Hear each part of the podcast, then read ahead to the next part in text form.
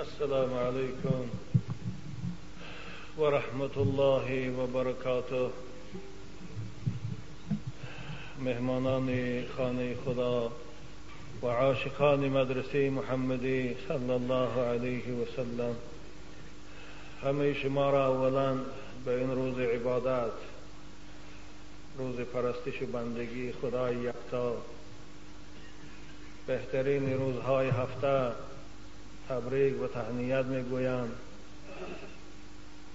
و از پروردگار برای یکایک شما و خاندان شما تنصحتی و خاطر جمعی از پروردگار خود رزق فراخ طلب دارم و دعا می‌کنم خداوندا قدمهای شما را که از راه های دور و نزدیک برای آمدن این مدرسه محمدی رنج فرموده اجر جزیل و ثواب بزرگ عطا فرماید. و هر حاجاتی که داشته باشید پروردگار حاجات های شما را که خود دانا هست که چی مقصد دارید و چی حاجت دارید برآورده گرداند. و بیمارای شما را پروردگار شفای کامل عنایت فرماید. و برادران عزیز ما که در مسافرت ها هستند و برای خاطر نفقی اهل و عیال و برای خاطر به دست آوردن قوت لایموت رنج می‌کشند و عذاب می‌کشند. پروردگار اونها را در مسافرت ها نگه دار. و بعد از انجام سفر با دست پر سلامت به خاندانشان بازگردان. خداوندا این مسجد ها را و این عبادت خانه ها را همیشه با عبادت آباد دار. پروردگارا بندگان خدا همیشه توفیق هدایت نصیب گردان و محبت عبادت در دلهاشان بیدار گردان تا اینکه عبادت خانه های تو را همیشه با عبادت آباد دارند. آمین. آمین. امروز صحبت ما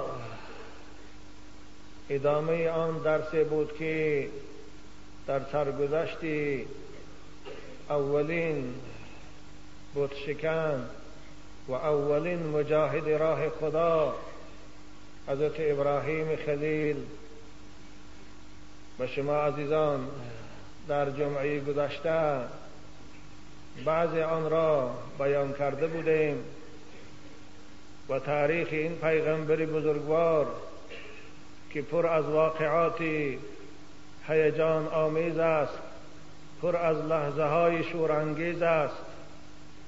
به آنجا آمده بود که ابراهیم بعد از واخوری اول با نمرود و بعد از بحث برای اثبات پروردگار خود با پدر و مادر بوتهایی که پرستش می‌کردند قوم نمرود چی هیکل او چی غیر او و چی ستارگان اونها را مذمت می‌کرد و ستاره پرستان و بود پرستان را زیر تازینی تنقید قرار داده بود. و از زبان گویا و برای ابراهیم خلیل خدا هم پدری گمراه او و هم نمرودیان که خیلی آزار می‌دیدند خواستند ابراهیم را فریب کنند. خواستند ابراهیم را به زیب و زیور دنیا و با دعوت کردن به سوی کزینا و رستوران و با دعوت کردن به سوی کرنوال و جشنهای خود. ابراهیم از راه دعوت از راه خداپرستی بازگردانند در عراق که قرارگاه نمرود بود و با قضای الهی وطن ابراهیم هم آنجا بود. جشن کرنوال این البته آن زمان شاید کرنوال نبود اما من برای ذهنی شما جوانان نزدیک کردن کرنوال می‌گویم. یعنی جشن عیده داشتند جشن شادی داشتند و برای این جشن تیاری می رفت و ابراهیم را به آن جشن دعوت کردند انشاءالله اگرچه این آیه های مبارکه که در حفظ من الحمدلله هست اما با خاطر آنکه در وقتی صحبت باز پیش قفا می شوند شاید بعضی جمله هاش یا کلمه هاش از زبان من افتد این کلام الهی است. به خاطر این من از روی قرآن یعنی این منظره را با شما که خدا در سوره صافات هم و در سوره انبیا هم و در سوره شعرا هم خیلی زیبا تصویر میکند. عزیزان من خانده هم. الحمد لله رب العالمين والصلاة والسلام على أشرف الأنبياء والمرسلين وعلى آله وأصحابه أجمعين. اللهم انصر الإسلام والمسلمين. اللهم انصر الإسلام والمسلمين. اللهم انصر الإسلام والمسلمين. اللهم يا ولي الإسلام والمسلمين ثبتنا على الإسلام حتى نلقاك ثبتنا يا مولانا على الإسلام حتى نلقاك بسم الله الرحمن الرحيم. إذ قال لأبيه وقومه ماذا تعبدون؟ أئفكا آلهة دون الله تريدون؟ ابراهیم با پدر خود و با نمرودیان گفت که شما چرا پرستش می‌کنید؟ خدای شما معبود شما کیست؟ اونها در جواب گفتند که خدای ما و معبود ما نمرود است و حیکل های زیبایی اوست که در عبادت خانه ها گذاشته شده است و مجسمه او در خانه های هر یک فرد نهاده شده است. اوست معبود ما. ابراهیم چی گفت؟ افکن آلهتا دون الله تریدون. آیا شما بر دروغ این معبودهای باطل را غیر از پروردگار یکتای خود پرستش می‌کنید؟ آخر این هیکل های تراشیدی شما اینها اله نیستند اینها معبود نیستند اینها معبودهای دروغند اینها معبودهای بافته شدن شما اینها را پرستش می‌کنید؟ فما ظنكم برب العالمين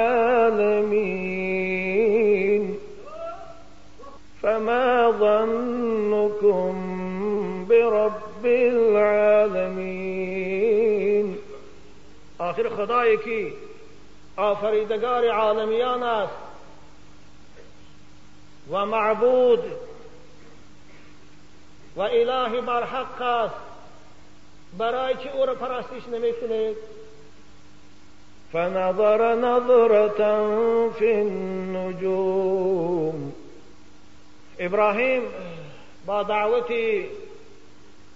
خیشاوندان خود با دعوت پدر خود با دعوتنامه مخصوص به جشن دعوت کرده شد که در آن جشن تمام واسطه های خورسندی آماده بود و رقاصه ها با لباس های عریان و نیم برهنه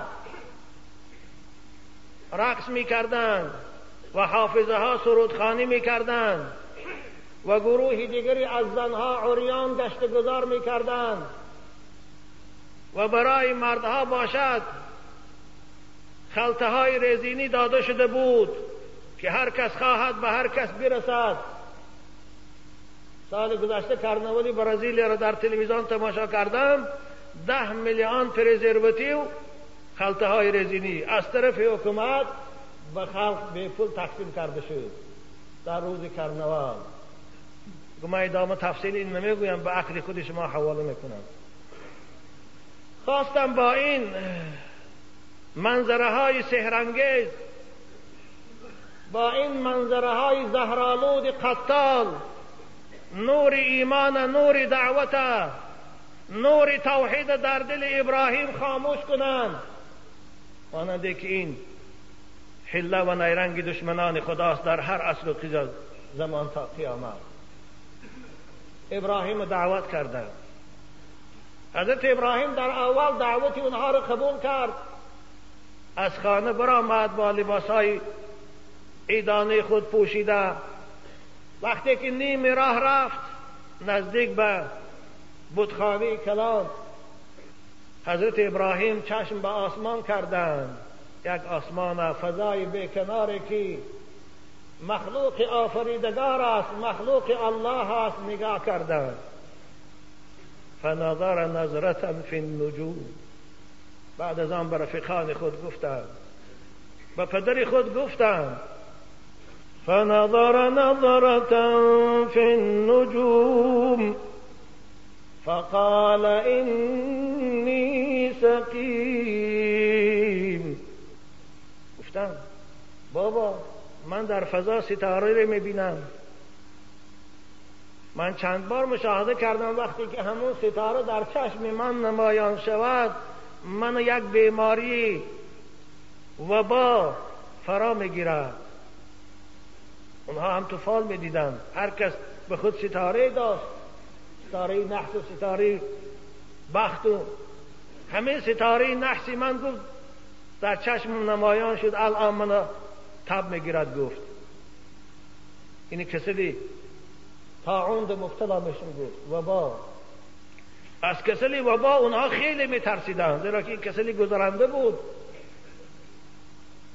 از شنیدن این سخن ابراهیم که او حضرت خوش به زمین پرتاب اشکمکی و پاهاش دراز کرد لغتک می‌زد. البته این حضرت ابراهیم نقشش بود و مقصد آن که نرود به همون جای فسادخانه. از دیدن حال ابراهیم رفیقان او. گفتن ابراهیم کسل شد. اگر این کسلی وبا باشد این کسلی گذرنده است. بنابر ابراهیم پرتافتن و گرفتند قرآن دو پروردگار می‌گوید فقال اینی سقیم فتولوا عنه مدبرین. یک بار از اطراف ابراهیم پراکنده شدن و گرخته بر رفتن. ابراهیم تنها ما فراغ علی فراغ الى آلهتهم فقال الا تأكلون وقتی که اونها رفتن حضرت ابراهیم آهسته خستن در جای خود نشستن خود به خود گفتن که پروردگار در سوره انبیا خیلی زیبا تصویر می‌کند حالا شما رفتن گیرید می‌بینید من با این بتهای شما چیکار می‌کنم. حضرت ابراهیم این سخن ملایم و آهسته زمزمه کرد اما در وقتی همین گفتگوی او با خود کسی از نمرودیا از نزد ابراهیم میگذشت و این صدای ابراهیمی به گوش او رسید. حضرت چی گفت؟ و تالله لأكيدن اصنامكم بعد ان تولوا مدبرین قسم به خدا کی؟ وقتی که شما روید وقتی که بتخانه تنها موند من می‌دانم با این بتهای شما چی رفتار کنم و چی معامله کنم. و تالله لأكيدن أصنامكم بعد أن تولوا مدبرین حضرت ابراهیم دیدن که آدما تمام شدن. همه در میدانچه همه در دشت به بازی و به خرسندی و به سرودخانی و به نوشیدن و به شیطانی مشغولند. لحظه یاد خدا ندارند. لحظه یاد بتخانه ندارند. هر کس هرچی می‌خواهد کرده ایستاده است. بعضیاش در روحاشان نقاب کشیده. به چشم آدما چهری من شناس نتاود گویان. میخواستگی کار افلاس خود کرده ایستاده است. ابراهیم از جای خود خیست آمد. دری بودخانه را کشاد و تبری هیزم شکنی که در اونجا از باباش بود. برداشت. و بازار به مستحکم بتهای اونها را میده کردن گرفت قرآن چی میگه وتالله لأكيدن أصنامكم بعد أن تولوا مدبرين. فجعلهم جزازا إلا كبيرا لهم لعلهم إليه يرجعون. بودخانشان یک قصری زیبایی بود. همه از آب طلا زینت داده شدگی بود. و در بالا بوتی کلانه که عبارت از صورت نمرود بود. بسیار زیبا ساخته بود و در دو طرف او طرف راست چپ او بتهای دیگری میده میده میده میده تا خردکک از دو طرف ساختگی بودند. حضرت ابراهیم علیه السلام اول نزد بتها رفت تبر در دست. رو به اون بوتی کلان آورد. گفت فراغ الى آلهتهم فقال الا تأکلون. دید که در نزد اونها طبقهای چینی پر از میوگی ها پر از شیرینی ها تارت های گوناگون با هر رنگی زیبا ساخته شدگی. شیرینی ها موندگی. حضرت یک خنده تمسخرآمیز به بتها کردن و گفتند الا تاکلون چون شما از این میوگی ها از این شیرینی هایی که نزد شما آوردیان نمی‌خورید؟ ما لكم لا تنطقون. حضرت دیده خاموش ایستادن. چون شما نمی‌خورید هیچ از اونها جواب نبرآمد. صدایی نیست. حضرت گفتن. چون شما با من گب نمی‌زنید. آخر یک خلقی شست میلیونی عراق شما را سجده می‌کند فرستیش می‌کند. شما را معبود گفته از شما حاجت می‌پرسند شکایتاش نزد شما می‌برند. چون شما به, جواب به سوال جواب نمیدید فراغ عليهم ضربا بالیمین دیدن که جواب نیست. حضرت در غضب شدند. عصبانی شدند. و ایمان ابراهیم در جوش آمد. و دیدن این منظری باطل. او را عصبانی کرد و دست با تبر برد و برداشت بر سر بتها زدن گرفت. از امو بتهای خورد کک سر کرده میده میده کرده آمد تا نزدی بوتی کلان. باز از نیمی چپ میده میده کرده آمد تا نزدی بوتی کلان. همشه میده کرد به زمین غلطان. فجعلهم جزازا. معنی جزازا ای قطعتا قطعتا. پاره پاره کرد میده میده شدن إلا کبیرا لهم. همون بوتی کلانه صورت نمرود بود. بسیار زیبا ساخته شده بود أو را چقه نشد تبر در پیش پای أو راستا موند فجعلهم جزازا إلا كبيرا لهم لعلهم إليه يرجعون. شاید سوال وارد شود که چون ابراهیم؟ او بوت کلان نشکست. مگر از او ترسید؟ نه. حضرت ابراهیم ترس نداشتند لیکن به خاطر احمق کردن.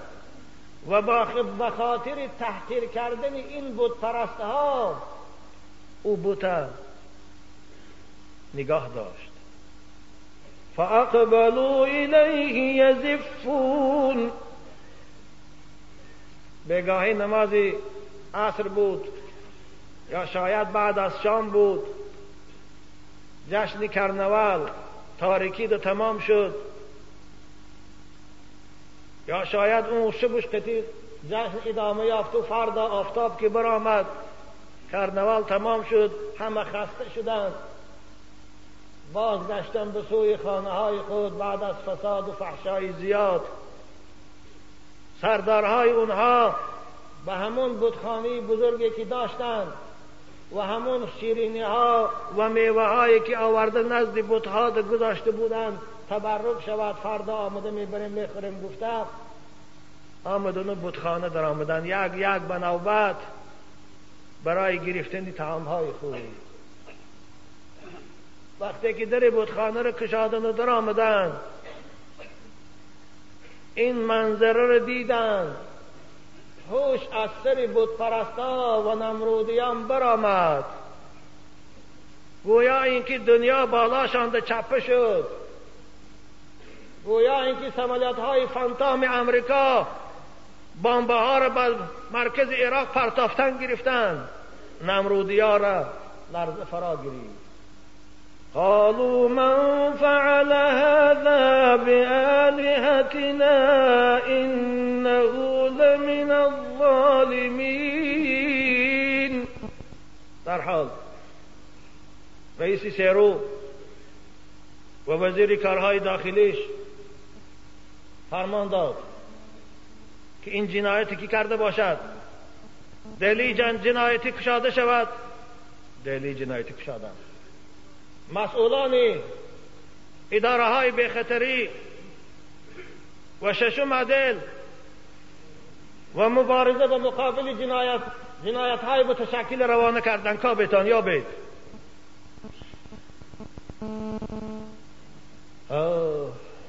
تفتیش آغاز شد. پرسش سن شد سر شد.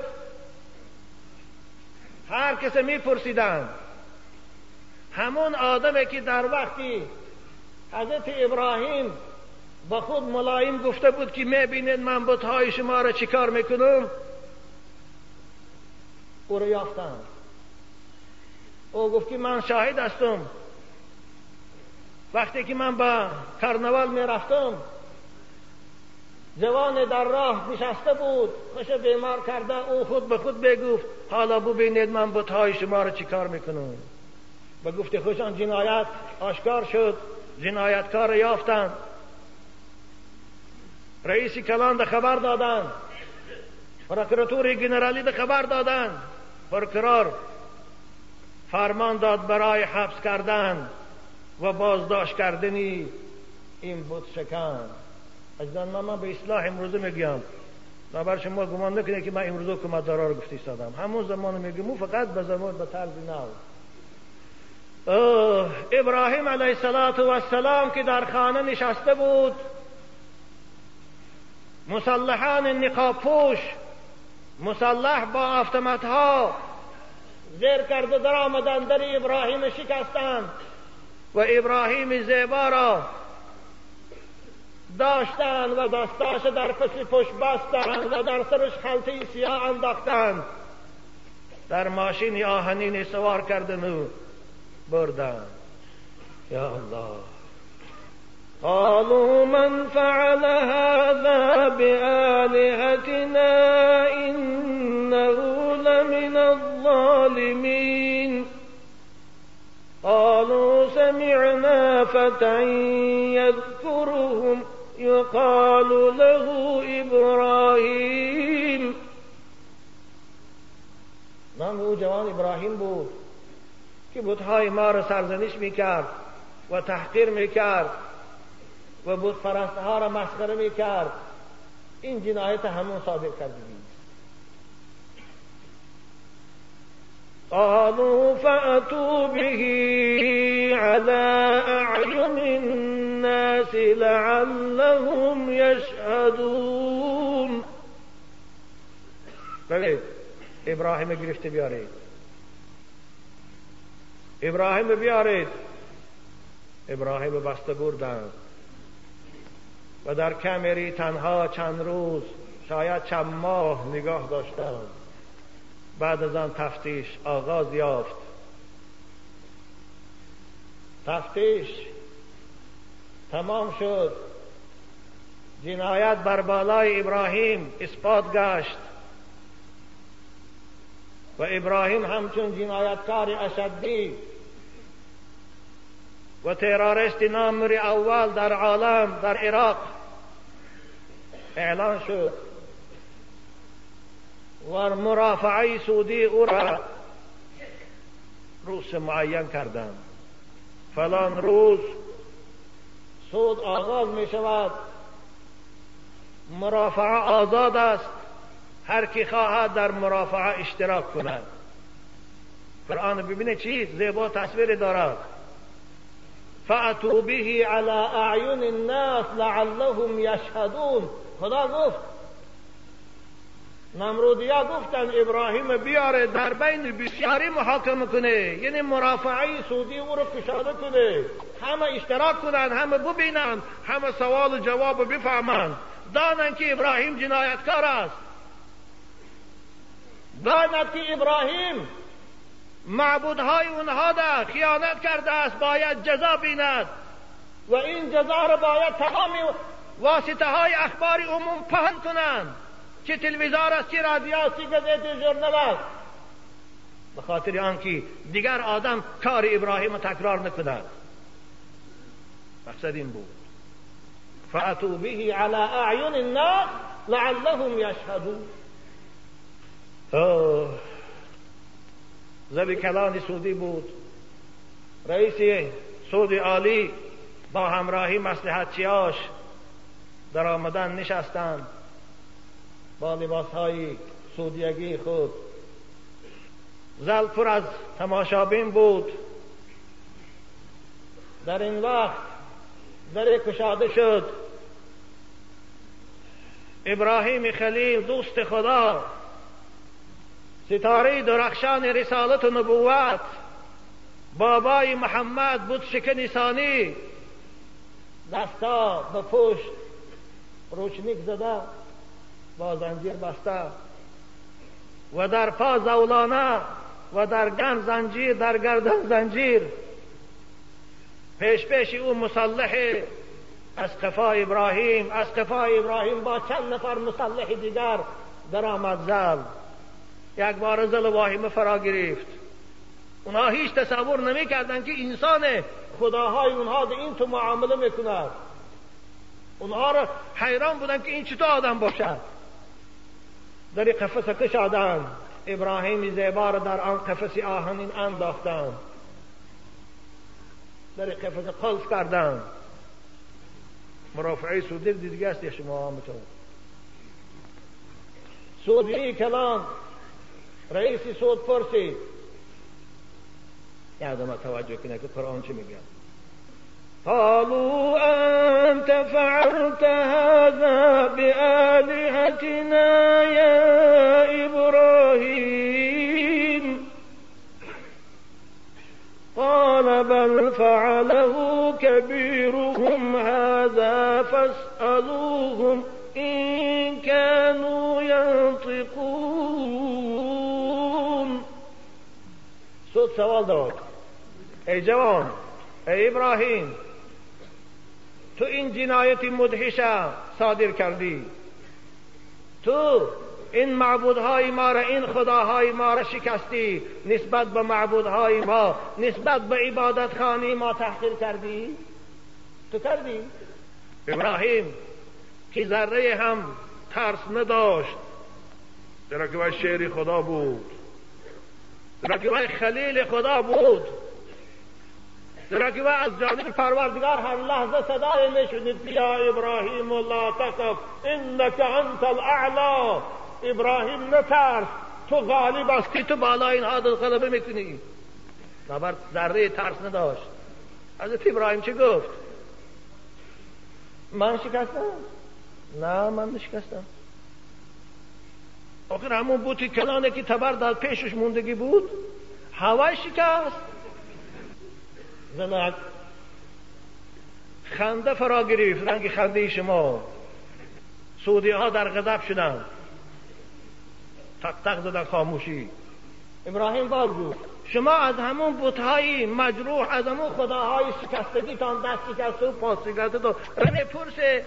اگر اونها گب زده تانند خودشان می‌گویند که اونها رو کی شکست؟ خوب وقتی که گب زده نمی‌تونن وقتی که اونها نطق ندارن چشم ندارن هوش ندارن چه شما اونها رو پرستش می‌کنه؟ چه شما انسان عاقل و دانا نزد اونها درفته تعظیم می‌کنه؟ مقصد ابراهیم این بود. مقصد ابراهیم اونها رو بیدار کردن بود. که آخر معبوده که نه شنود نه فایده کند نه از خودش ضرر دفت کند نه گپ زده تاند. او چگونه می‌تواند که خدا باشد؟ او چگونه می‌تواند که معبود باشد؟ نزد او روی سرخم کنی نزد او روی تعظیم کنی و حاجت پرسی. قال بل فعله كبيرهم هذا فاسألوهم إن كانوا ينطقون فرجعوا إلى أنفسهم. يا الله. فرجعوا إلى أنفسهم فقالوا إنكم أنتم الظالمون. الله قرآن یک منظری زیبای تصویر میکند. باور کنید خیال میکنید که منظری فیلم است. منظر صحنه تئاتر است که در چشم زنده نشان داده است وقتی که زل خنده فرا گرفت وقتی که ابراهیم گفت همون کلانشان کشته است. سعودیه مجلس سودا پوشیده اعلان کرد تنفس. چرا که شرمنده شد. تنفس اعلان کرد دو ساعت. بعد از دو ساعت وقتی که به خانه مشورتی سعودیه در آمد و امرایی وزیراش مصلحت کرد. خود به خود گفتن ابراهیم راست می‌گوید فرجعوا الى انفسهم. به خودشان بازگشتن و گفتن راست میگه داخل. آخه چیزی که از سنگ باشد از چوب باشد نه فایده بیارم نه ضرر. چون ما اونها رو سجده کنیم تعظیم کنیم. ما خود نادان هستیم ما خود به جان خود جمع کردیم که خدای یکتار مونده این حیکلچه هایی از به دست خود تراشیده رو احترام می‌کنیم و سجده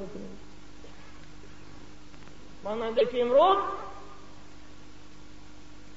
بعض مسلمان ها قرآن که کتاب خداست یک هرچی او یک حکم او تا قیامت تغییر نمییابد احترام نمی‌کنند. اما کنیستوسیا را از قرآن بالا می‌دانند حالا که کنیستوسیا بافته خودشان است. هر سه سیادی یک پونکتش عوض می شود یک قانونش تغییر می آبد خوب. دیدن که می شود از بالا نمرود فرمان داد. چیکار داره؟ سود و تستر تمام کنه حکم براره باز از ترس فرمان بالا. بعد از تنفس سود باز کشاده شد. باز حضرت ابراهیم پرسیدن ثم نكسوا على رؤوسهم لقد علمت ما هؤلاء ينطقون. رئیسی شد با سیاست با حیبت با قواق گرانده به ابراهیم نگاه کرد. حضرت ابن عباس ثم نكسوا على رؤوسهم. تفسیر میکنن ثم ادركهم الشقاء على الطغيان والكفر باز غرور و باز سرکشی و باز محبت کفر محبت منصب اونها را خور کرد. به ابراهیم سیاست کرده گفتند تو اونها را شکستی تو خداهای ما را تحقیر کردی. حالا که خود میدانی که این خداهای ما گب نمی‌زنند. تو خود اینو میدانی. باز این سوال برای چی به ما میتی خاموش باش. ابراهیم از گپ زدن خواستن که من کنم. حضرت ابراهیم در جواب چی گفت؟ خوب وقتی که شما اقرار داره وقتی که شما باور داره که این بتهای شما این خداهای شما گپ نمی‌زنن نمیشنوند نمی‌دانند این اقرار داره بس چه اونها رو پرستش می‌کنیم اونها رو عبادت میکنیم؟ حضرت بچه گفتن قال افتعبدون من دون الله ما لا ينفعكم شيئا ولا يضركم. أف لكم ولما تعبدون من دون الله. افلا تعقلون؟ آیا شما پرستش می‌کنید؟ آن معبودهای باطله را که نه فایدهشان به شما می‌رسد نه زیانشان به شما می‌رسد نه زیان را از خودشان دفع می‌کنند. ای وای بر شما ای وای بر شما شرمنده ها کم عقل ها نادان ها وای بر بتهای شما. وای بر اون معبودهای باطل شما. آیا حالا هم عقل خود کار نمیفرمید؟ نمرود گوشی تلفن برداشت. با رئیس سود زنگ زد. گفت فرمان این است که حکم اعدام برار. گفت نکن. فرمان نمرود همین بود. خدا حکای می‌کنه قالوا حرقوه وانصروا آلهتكم إن كنتم فاعلین شما برای خلاص کردن بتهای خود برای نجات دین خود برای نجات دموکراتیا باید ابراهیم حکمی اعدام جزای عالی با سوزانیدنی در آتش قرار براد ابراهیم را سوزانید و معبودهای خود را از تحقیر او خلاص کنید. فرمان نمرود از جانب رئیس سود خوانده شد.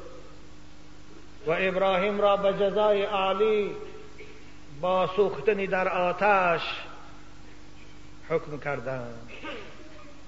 و بود پرستانی که و دشمنان ابراهیم که در زل بودند از این قرار همه شاد شدند حتی قرسک زدند و با خوشنودی پیشواز گرفتند.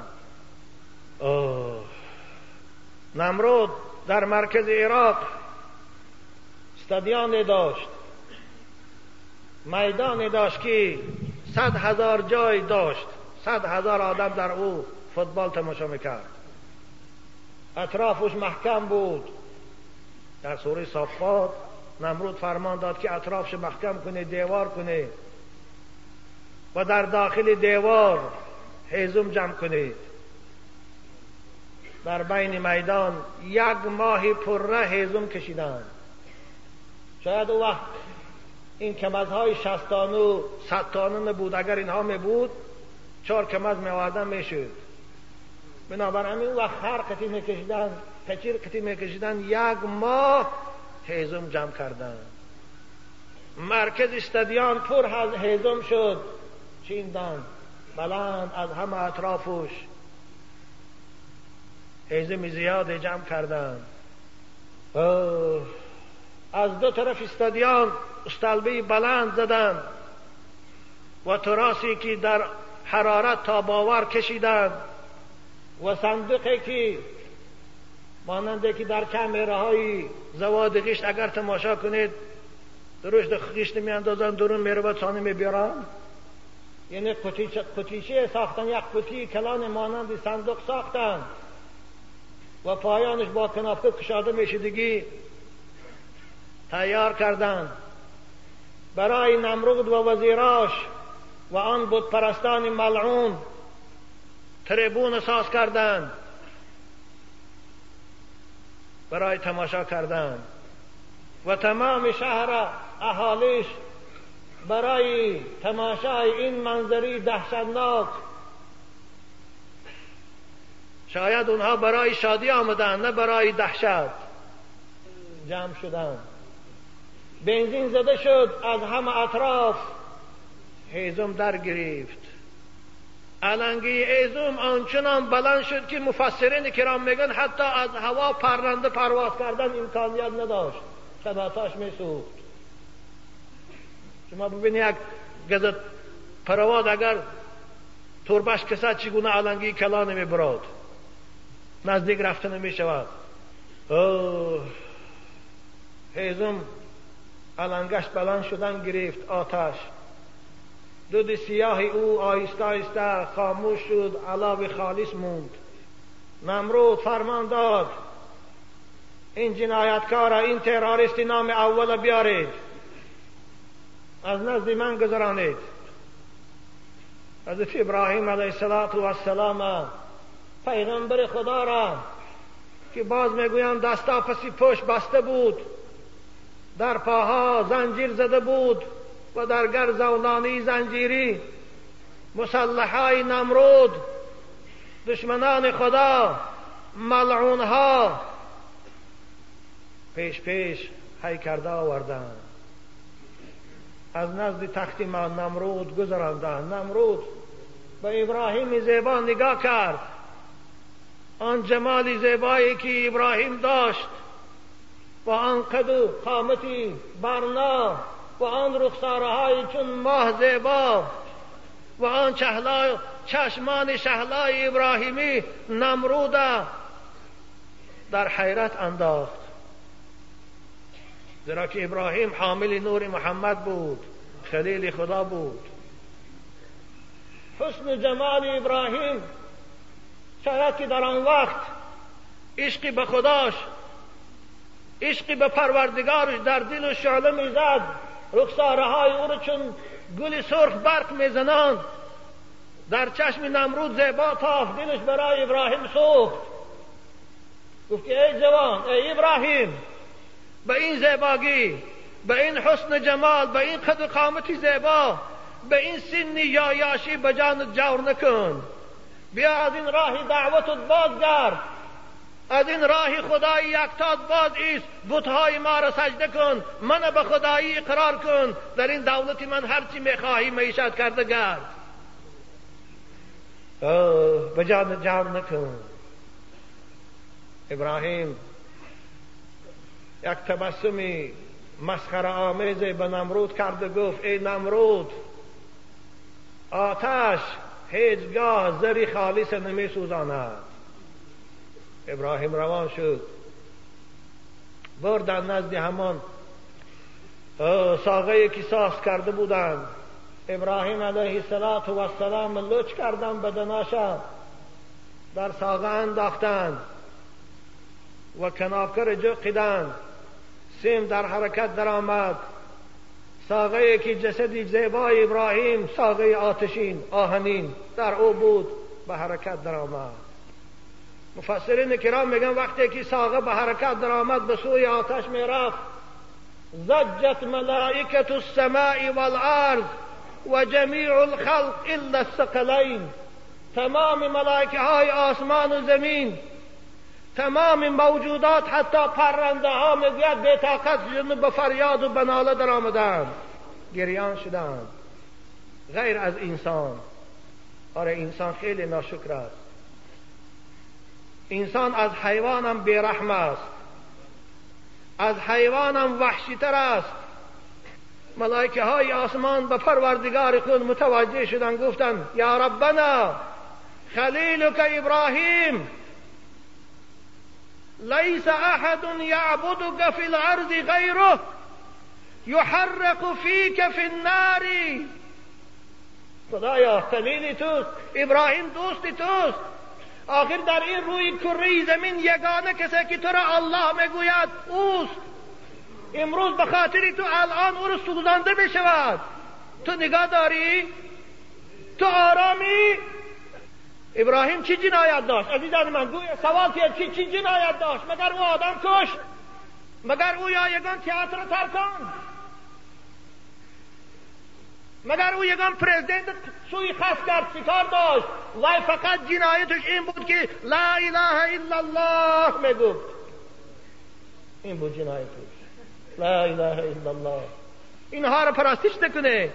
فقط خدای یکتا رو سجده کنه میگو این بود جنایتش. دیگر جنایت نداشت. نه آدم کشته بود.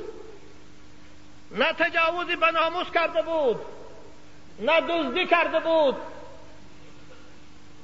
نه سویس قصد کرده بود به جان کسی حضرت ابراهیم آهسته آهسته صندوق رفته ایستاده بود به سوی مرکز آتش حضرت میکائیل کی ملائکی موکل به ابر و به باران و به برف است به پروردگار متوجه شد خدایا گفت و من اجازت من خلیلی تو رو یاری دهم پروردگار چه گفت؟ یا ملائکتی این استغاث خلیلی منکم بشیء فاغیثوه. اگر خلیل من از شما یاری پرسد میل شما به اجازت او رو یاری دهید. و اگر از شما یاری نپرسد او رو به اختیار من گذارید. و این لم او غیری فانا اعلم به و انا ولیه. اگر از من پرسد من خود همراهی او هستم. من خود پشتبانی او هستم. من خود یاری دهنده او هستم میکائیل آمد. گفت خلیل خدا ابراهیم زیبا. لحظه با شمار مونده شاید بعد از چند دقیقه نزدیک می شود به مرکزی آتش.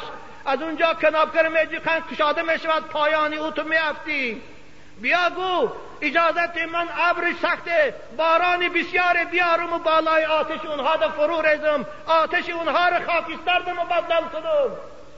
حضرت ابراهیم آرام بودن ابراهیم گفت ای ملائکه خدا گفتن اما من به تو احتیاجی ندارم.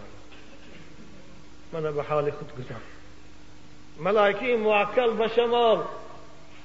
امان ملائکه که با فرمان پروردگار طوفان سخت آورد و قوم عاد به خاک یکسان کرد.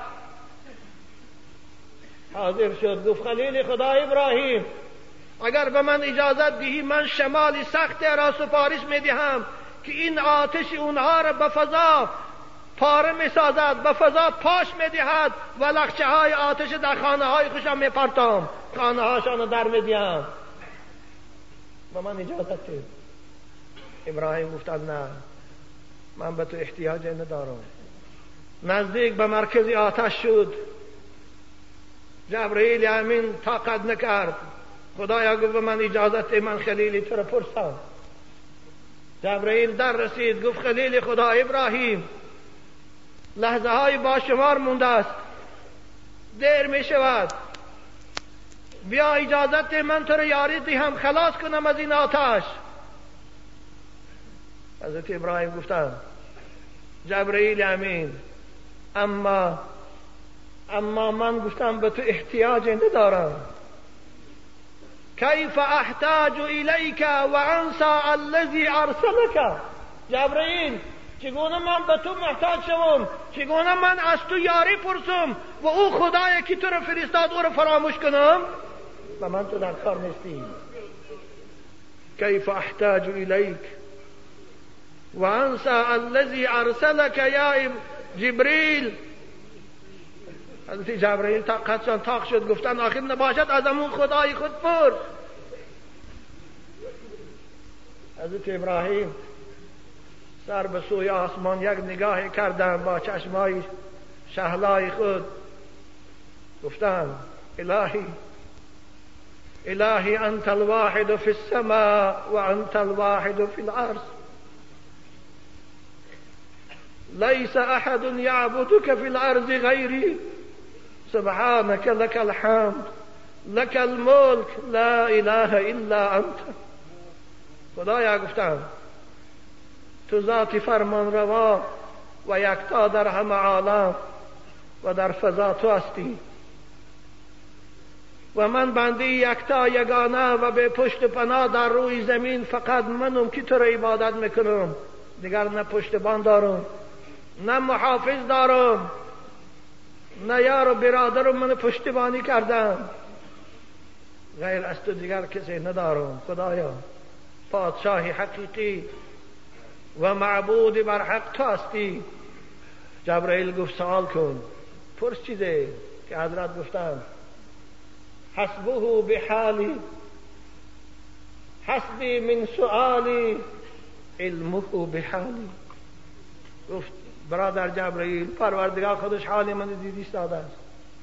خودش می‌داند من در کدام حال هستم. بنابر من زبان و پیش نمی رود که از او چیز پرسون اگر به سوختن من در آتش راضی باشد من در این قضای او صبر می‌کنم. اگر او من از آتش سوزانش خلاص کند من در این نعمت او شکر او رو می‌گویم. این بود آخرین سخنی که از زبان ابراهیم برآمد. حضرت ابراهیم با پروردگار خود تلفن داشت. واسطه علاقه داشت که احتیاجی به سیم نبود احتیاجی به کاسماس نبود احتیاجی به اپراتورهای کاسمانی نبود. خطی راسته که با کارخانی پروردگار کشیده شدگی بود. این بود که و اذا سألك عبادی عنی فإنی قریب. اجیب دعوت الداعی اذا دعان. آه ابراهیم این سخن از زبانش برآمده بود که فرمان پروردگار فرمان خدای قادر و توانا فرمان آن ذاتی که پشتبان و تکیهگاه ابراهیم بود صادر شد. و این فرمان چه بود؟ این فرمان چه بود؟ سمالیات های سو 26 پرواز نبراید کشتی های حربی از داخل رکت های بین قطعه سرتید به عراق. نه چی بود؟ بسم الله الرحمن الرحيم. قلنا يا نار كوني بردا وسلاما على